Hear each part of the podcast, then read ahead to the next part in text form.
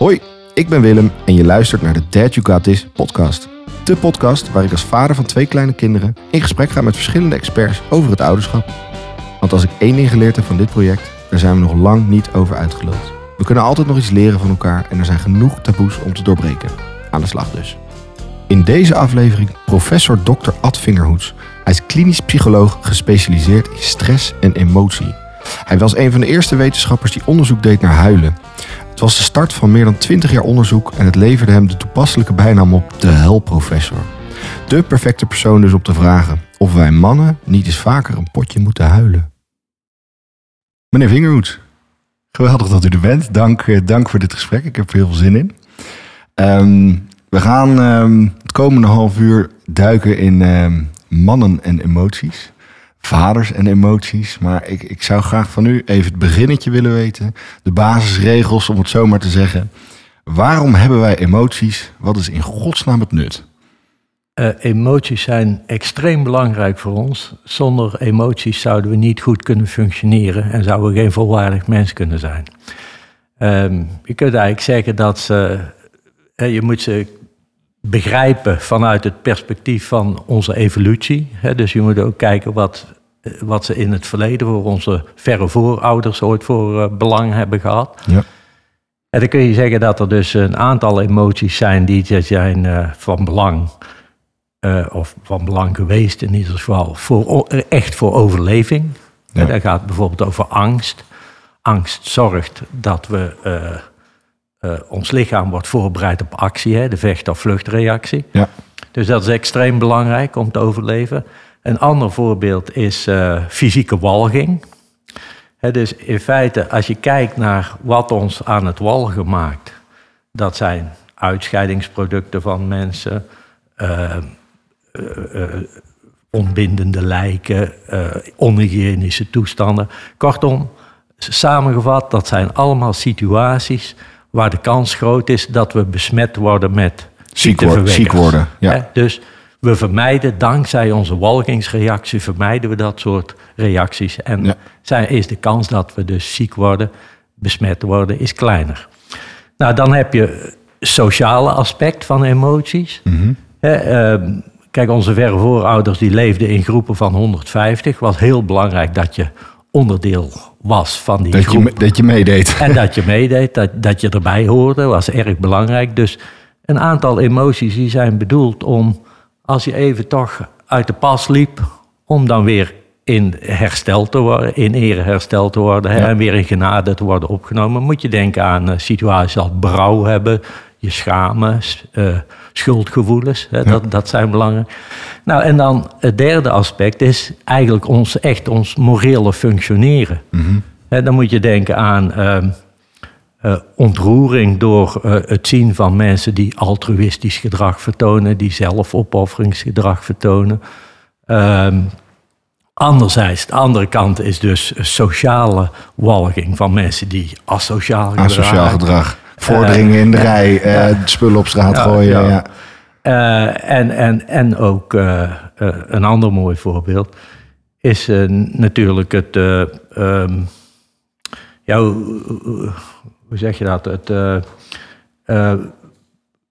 het, het je zorgen maken om dingen die belangrijk voor, zijn voor de wereld. Hè? Ja. Dus verontwaardiging over wat er in de wereld ge, gebeurt. Over, nou ja, bijvoorbeeld Oorlogen, met het milieu, klimaat. Ja. het klimaat en, en, en, dat soort zaken. Ja.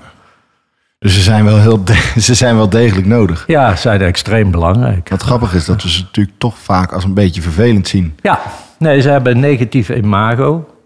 Ze worden ten onrechte gezien als ook vaak... Uh, de oorzaak van allerlei ellende. Je maar doet altijd het, zo boos. Het, het, feit is dat ze eigenlijk heel belangrijk voor ons zijn. En ook voor een groot deel zorgen dat we juist ons verbonden voelen met anderen. Bijzonder eigenlijk dat door die emotie die zo gelieerd zijn aan vroeger... en dan echt vroeger, miljoenen jaren geleden of duizenden ja. jaar geleden... dat dat nu nog steeds zo'n belangrijke rol speelt. Ja, we leven niet meer in groepen van 150 mensen... maar die, die drang om erbij te horen is dus ja, nog steeds aanwezig. ja ja, drang om erbij te horen, drang om te overleven natuurlijk. Ja. Uh, uh, wat ook belangrijk is toch, is dat je waardering krijgt van anderen. Hè? En, en, dat je je kunt ontplooien. Dat zijn toch heel universele ja. eh, ja, behoeftes van de mensen. En, en bij al die behoeftes, om dat tot stand te brengen, Ja. daar spelen emoties een cruciale rol bij. Het is zo bijzonder om te zien dat in die groep van 150 man vroeger was het gevolg van niet bij de groep horen heel duidelijk. Ja. Krijg je niks te eten, ga je dood. Ja, Nu is dat natuurlijk wat minder relevant. Maar is blijkbaar dat, dat intrinsieke gevoel van als je er dus niet bij hoort... nog steeds net zo heftig als dat je vroeger buiten de groep gezet werd. Ja, we, we weten uit onderzoek dat in feite eh, sociale afwijzing, hè, dus als je afgewezen wordt, als je er niet bij mag horen, Ja. dat dat, in, als je dan in de hersenen kijkt, dan gebeurt er hetzelfde als bij fysieke pijn. Dat meen je. dus, dus echt de, de pijn van afgewezen worden, Ja. dat, dat is vergelijkbaar dus met, met fysieke pijn. Wauw, dat vind ik wel heel bijzonder. Ja, ja. Ehm, waarom is het eigenlijk, eh, en misschien zeg ik nu iets, iets stoms... eh, waarom is het voor een man zo moeilijk om emoties te uiten? Eh, nou, het is, het is niet moeilijk voor een man om emoties te uiten. Zeker niet als het gaat over agressie. Hè? Vloeken, dat doen mannen eh, best wel Daar herken ik mezelf in. Maar eh, ja, als het gaat over machteloosheid en verdriet... dat zijn bij uitstek emoties waar mannen niet zo... be- nou ja, zo eager zijn om, om die te uiten. Ja. ja. En ja, ja, dat heeft te maken met toch bang voor een imago van ik kom als zwak over. Ja, ja, daar wilde ik. Dit is een beetje een kinderachtige vraag, maar eh, echte mannen huilen natuurlijk niet. Ja, nou, eh, nou ja, eh, ja en nee. Kijk, als je naar de uitkomsten van allerlei onderzoek ziet, dan is dat duidelijk. Als je kijkt naar volwassenen in, in de westerse wereld, in ieder geval, dan zie je dus dat volwassen mannen veel minder huilen dan volwassen vrouwen. Ja. Dat, dat is duidelijk. Ziet overigens wel dat eh, ook met het ouder worden mannen weer Ja. meer gaan en makkelijker gaan huilen. Wat is daar de reden van? Eh, weten we niet precies. Ik denk dat eh, het voor- vooral te maken zal hebben met een daling van testosteron. Ja, Het testosteron, mannelijk geslachtshormoon, dat, Ja. dat heeft een remmende invloed op eh huilgedrag. Dat, dat is wel zeker. grappig. Dan zou, je, dan, dan zou je door kunnen redeneren dat hoe meer testosteron je hebt, hoe meer mannelijk je bent, hoe minder snel je huilt. Ja, Dus eigenlijk is echte mannen huilen niet. Slaat, slaat wel. slaat wel ergens op, zeker. Grappig. Eh, Het is eigenlijk maar- niet het antwoord waar, waar- waar- wat ik dacht, maar Ja. het, het, het, het zit ergens in. Ja. ja, er zijn nog meer redenen waarom, eh, waarom, er, waarom er die verschillen zijn tussen mannen en vrouwen. Ja. Kijk, één ding wat we ook niet over het hoofd moeten zien, is simpelweg eh, de blootstelling aan het soort emotionele situaties. Eh, kijk, eh, vrouwen die zeggen nog wel eens: Oh, vanavond komt er een lekkere jankfilm op tv. Dan ga ik lekker. nou, dat zul je een man nooit horen zeggen. Hè? Dus de, de literatuur, eh, eh, het soort boeken dat, dat mannen en vrouwen lezen, het soort films wat ze kijken. Maar ook als je naar beroepen kijkt, er werken natuurlijk nog veel meer vrouwen in de, bijvoorbeeld de gezondheidszorg. En daar Ja. is de kans dat je met emotionele situaties in aanraking komt veel Ziekte, hoger verlies. Ja. natuurlijk. Ja. da- dan als je in de IT of in de bouw werkt Ja. natuurlijk. En dan heb je ook nog, kijk, dat, dat is ook wel belangrijk om je te realiseren. Ehm, als het over huilen gaat, er zijn drie eigenlijk heel sterke uitlokkers van huilen. En, en dat, dat is, eh, of vier eigenlijk zou ik kunnen zeggen. Maar eh, één is machteloosheid. En we zien dat vrouwen zich veel sneller in meer alledaagse situaties machteloos voelen. Om kleinere situaties, een, een, een auto die het niet doet, een computer die crasht, Ja. nou, dingen die niet lukken. En conflict situaties, heel Ja. belangrijk. Dan, dan ervaren vrouwen een machteloze woede. En Zit, dat zit daar het verschil in fysieke... eh, hè, mannen zijn over het algemeen fysiek sterker dan vrouwen. Ja, zal, Zit- zit- kan zit daar- mee te maken hebben. Hè? want als je een conflict hebt met een man, Ja. ben je dan in dat Ja. opzicht sneller machteloos. Ja. Maar tegelijkertijd zie je dus, als je naar eh, zaken als eh, rouw, liefdesverdriet en heimwee, dat zijn ook bij uitstek hele sterke uitlokkers Ja. van tranen. Dan, zie, dan zijn de verschillen tussen mannen en vrouwen weer niet zo groot. Hè? Ja.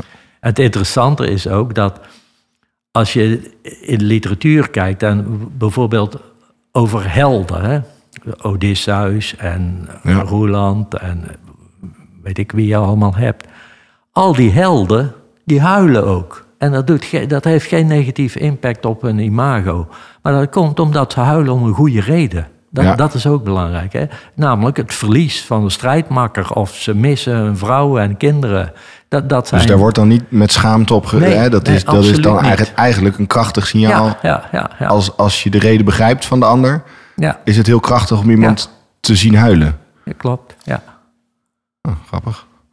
Ehm, eh, eh, zie je even, u, u, sorry, ik zei je. Ehm, u bent al, oké. Ehm, u bent al 30 ruim jaar. 20 jaar onderzoeker.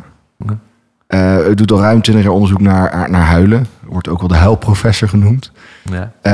Ziet u verandering de laatste, in de laatste jaren hoe onze maatschappij omgaat met huilen? Ja, dat zie je wel. Ik, ik, ik denk, grappig genoeg, dat een kentering, bijvoorbeeld, belangrijke kentering is denk ik de tranen van Maxima. Ja, ach, ik denk dat dat... eh, tranen. Het was een heel bescheiden... ja, nee, goed, maar dat, dat was... Ja, dat had denk ik echt zo'n impact ook op hoe wij haar, tegen haar aankeken. Ja. Tot dat moment was er best veel kritiek op haar natuurlijk. En, Het maakte eh, haar menselijk. ja, is dat een goede... Ja, ja, en onze hypothese is tranen verbinden. Ja. En dat is daar dan weer een mooi voorbeeld van. Ja. Eh, maar als je kijkt naar vroeger, eh, eh, nou ja, vroeger relatief, hè, want Mhm. je ziet doorheen de geschiedenis wel allerlei golfmomenten. We hebben Ja. de, eh, in de 17e, 18e eeuw, we hebben de eeuw van het sentimentalisme gehad. Toen was het ook Het sentimentalisme. ja, de- dus, dus eh, eh, bijvoorbeeld filosofen als Voltaire en Rousseau, dat Ja. waren enorme jankers. Die, dat, dat was in die tijd was dat ook gewoon als je naar de schouwburg ging, iedereen moest huilen. En, en, en eh, nou ja, je hebt dat boek van eh, Goethe, hè, dat is Leiden des eh, jonge Werthers. Mhm. nou, dat was ook een tranentrekker. Hè. Hè, dus dus dat, dat doorheen de geschiedenis zie je dat. Maar als je minder ver weg kijkt, hè, dus in 1981 hier in Nederland was er een interview met Hans Wiegel, politicus. Ja. En die moest huilen dus op tv. Nou, het, het land was in schok. Dat was nog nooit voorgekomen. De interviewer die eh, ja, dacht dat hij ontslag moest nemen. Dit had nooit mogen gebeuren. Die voelde zich schuldig Die voor de traan van de ander. uitermate schuldig. Ja, dit, dit had nooit... Gezichtsverlies. eh, Ja, ja, ja, oh, dat was- wauw. Nou ja, dat kun je tegenwoordig niet meer indenken. Hè? Nee, ja, ik, ik zou het tegenovergestelde denken ja. nu. Dat het, dat het soms precies, ook... Zo wordt op in- ingezoomd. Hè? Ja. Nou ja, ook dat de, degene die huilt het misschien vaak als strategie. Het is misschien heel onaardig gezegd. Maar dat hè, als ik deze emotie laat zien... heb ik misschien wat meer draagvlak voor hetgeen waar ik voor sta. Ja, dat, dat kan ook nog. Ja. en dat is dan niet echt een oprechte traan. Nee, eh. nee. Dat, is- dat is, ja. ja, dat zit dicht tegen manipulatie aan. Ja. ja. Bijzonder. Ehm, wat kunnen wij mannen doen om eh, meer te huilen?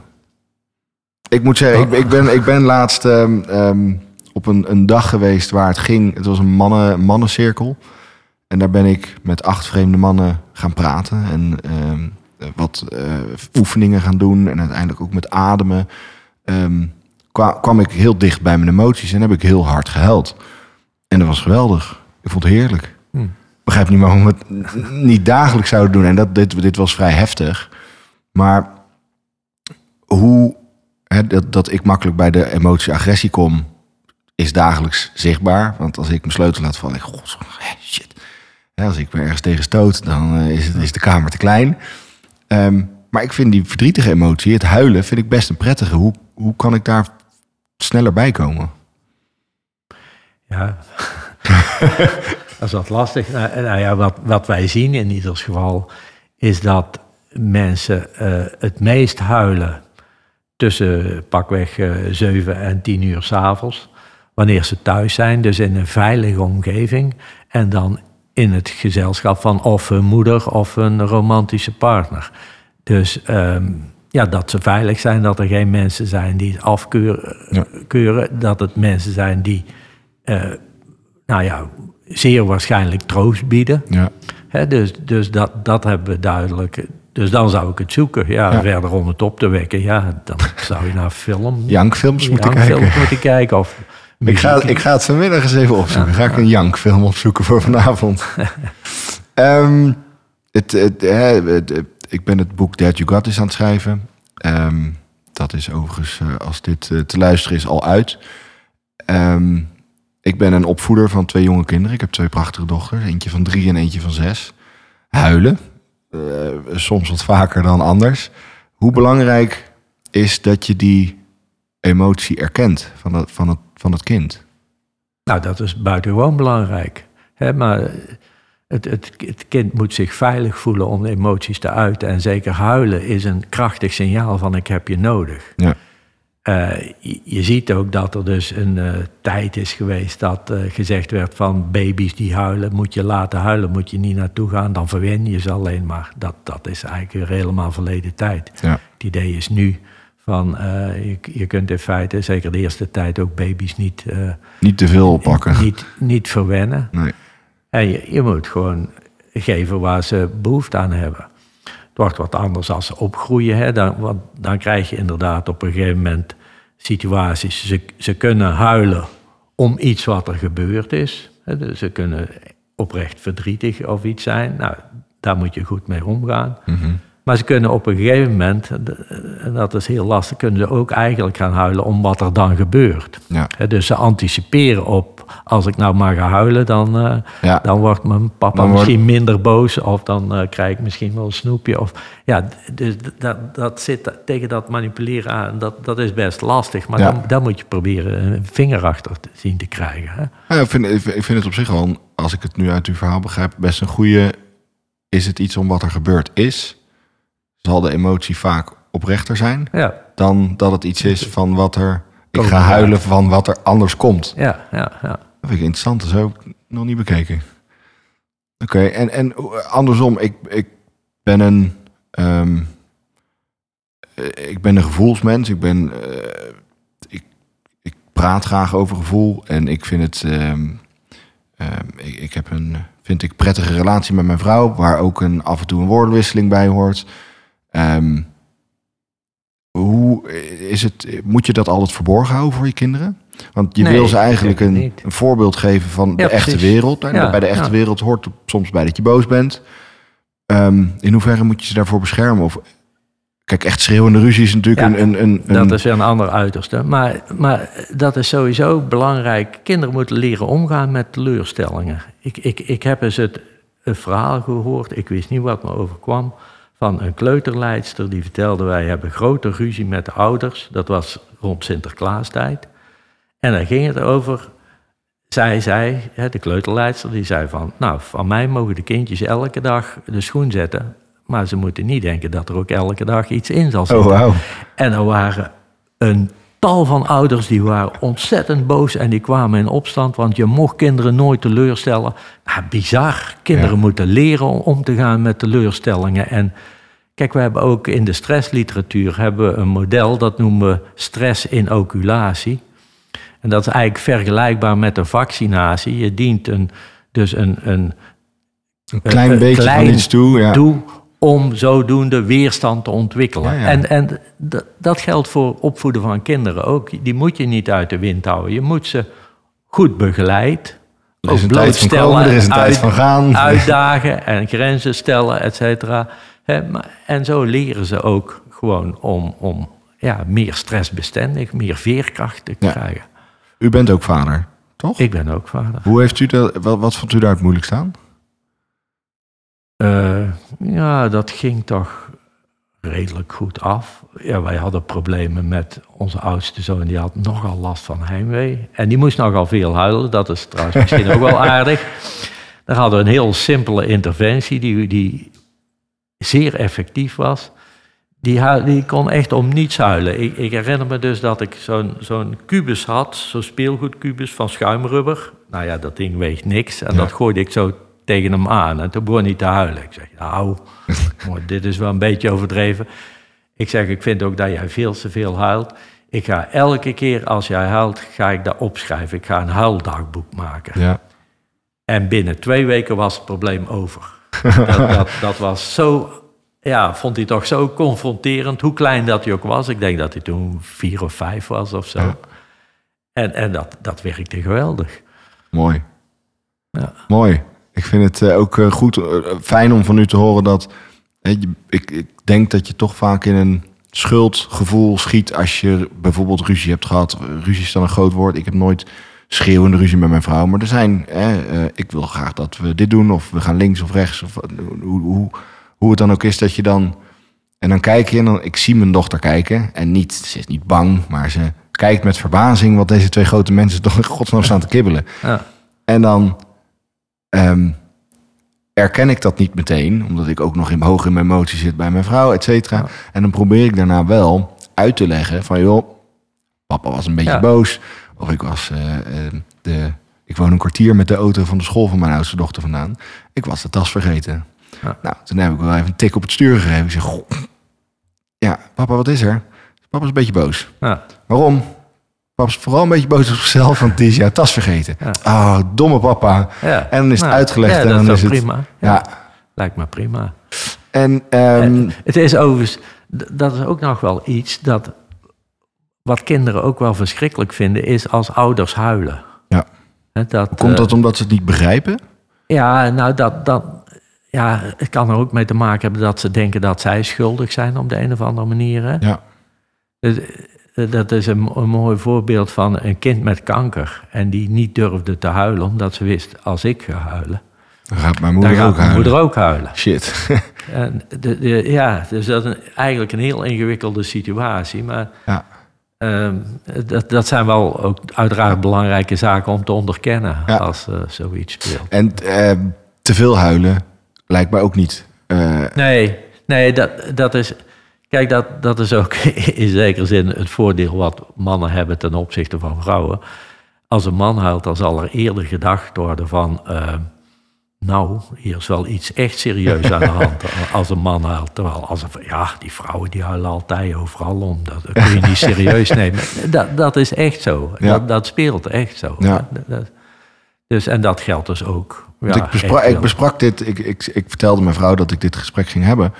En eh, mijn vrouw is, ik denk ik, in haar, zij heeft best wel wat mannelijke energie. Ik heb eh, best een verzorgend karakter ten opzichte van mijn vrouw. En mijn vrouw zei ook, ja, als jij dat tot de hele Mijn vrouw zei tegen mij, God, als jij tot de hele tijd zit te janken, denk ik ook, jezus, hé. Wat is dit voor een... eh, Terwijl als mijn vrouw huilt, dan gaat er bij mij meteen, gaat mijn, mijn agressie gaat helemaal omlaag en schiet meteen in de verzorgende Ja. Ach, schatje, wat is er? Wat kan ik iets voor je doen? Wil je thee? Wil je... Dat is wel grappig Ja, hoe dat... Zie je hoe krachtig die tranen zijn. Hè? Ja. Goed, goed inzetten, die tranen. ik heb nog en, een... en, eh, dan, en dan is het nog interessant om te weten, misschien voor andere mannen, je hebt nog ook de specifieke mannelijke manier van huilen. Hè? Dat is al, eigenlijk alleen maar natte ogen. Hè? Dus Ja. niet, niet met snot en, en, en, en Ja. tranen over je wangen en zo en snikken. En, nee, alleen maar mannelijk. Zodat je uitstraalt van ik ben gevoelig, maar ik heb me onder controle. Oh ja. dat, dat vinden ik las dat wel ergens, dat, dat, dat een, de, de meest aantrekkelijke man eigenlijk een getemd beest is. Dus iemand die wel in staat is tot hoge vormen van agressie en veel... eh, maar die ervoor kiest om dat allemaal onder controle te houden. Ja, ja. Dat dat een aantrekkelijke... eh, Maar ook, ook dus zijn emoties. Maar Ja. wel laat blijken toch van een signaal geeft met alleen maar die natte ogen. Van, eh, er schiet mij ook ineens iets nog te binnen. Dat wil zijn ik dingen toch die me raken. uit interesse... De keren dat je... De, waarom zit er, tenminste dat is dan bij mij... Als je gaat huilen, dat je je handen voor je ogen... eh, Een beetje uit vorm van schaamte. Eh, Waarom is dat? Ja, eh, nogmaals, we willen eigenlijk alleen maar huilen bij mensen die vertrouwd zijn. Eh, Het is, het is toch eh, ja, het idee van eh, ik, ik Kwetsbaar. zwak, ik ben kwetsbaar. Ja. En met name mannen hebben daar een probleem mee. Maar je ziet dus ook in de werkzetting dat dat eh, ook zeker vrouwen, als ze huilen, ja, dan zoeken ze een toevlucht tot, tot het toilet. Of eh, Ja. eh, nou ja, ze zonderen zich af. Ja, Eh, En, en ja, dat is dus ook weer een signaal van, ja, we huilen het liefst als we ons veilig voelen en, en met vertrouwde personen. En wij, wij zagen ook in ons onderzoek dat er een, een soort van eh, zeg maar uitgesteld huilen is. Er gebeurt iets op het werk Je en dan hou je je tranen in. Ja, ja, ja. En die komen pas In de auto. als je naar, in de auto naar huis rijdt, maar vooral als je met thuis bent en dat Ja. bespreekt met, Ja. met je, weer je partner of je moeder. Herken dit ook wel in kinderen, dat vaak als, als je ziet, zonder dat ze doorhebben dat je kijkt, dat er iets gebeurt. Je ziet ze opstaan, het is een val of iets wordt afgepakt. En dan komen ze bij jou, waar ze in die bubbels schieten van veiligheid. Ja, En dan ineens dan is het, Ja, ja, ja. ja, bijzonder. Ik eh, heb nog een, eh, een afsluitende vraag voor u. Eh, mag antwoorden, mag ook niet. Wanneer heeft u voor het laatst gehuild en waarom was dat? Eh, dat was eh, bij muziek. Dat, eh, ik vond dat zo mooi. Dat, dat was een, ja, ik denk Stairway to Heaven. Dat kent Ja, iedereen wel ja, van Led Zeppelin. Maar dat, dat was een bijzondere uitgave van Heart. En dat was ter gelegenheid van Led Zeppelin. Die werd geëerd of zo. En met een koor erbij. En, nou, Prachtig. ik, ik, ik was helemaal overdonderd. Door, En wat is het, waar- waarom moet u dan huilen? Is het, is het gewoon de, de, de gedachte erachter, waarom ze geëerd worden? Of is het echt de muziek die dan die snaar raakt? Ja, dat is dan. Dat is ingewikkeld hè, van die positieve situaties. Of huilen we Ja. wel ooit om positieve situaties. Maar het idee is dat dat zou kunnen zijn dat we gewoon eigenlijk overweldigd zijn. Dat, dat we niet weten hoe we moeten reageren. Toch een stukje we- we- machteloosheid ja, dan ook weer, ja. machteloosheid, ja precies. Hè. We voelen ons zo klein en zo nietig. Net als een schitterende zonsondergang. Of, of Ja. een prachtig kunstwerk. Of een schitterend gebouw. Dat we oeh, Ja. dat we ons helemaal klein en nietig en nederig voelen. Ja. Geweldig. Nou, ik, eh, ik, ik wil u echt ontzettend bedanken voor het gesprek. Ik vond het eh, heel interessant. Graag gedaan. En ehm, ik denk dat eh, voor mij in ieder geval duidelijk is eh, dat het ehm, niet erg is om te huilen. Je echt niet minder man bent. En Absoluut zelfs niet. misschien eh, je een stuk krachtiger kan maken. Ja. Dus Denk aan meer, de meer huilen. Denk aan de helder. Ja, nou, dat vond ik een heel interessant. Ik wil u hartelijk bedanken. En ehm, ja, dank voor het gesprek. Oké, graag gedaan.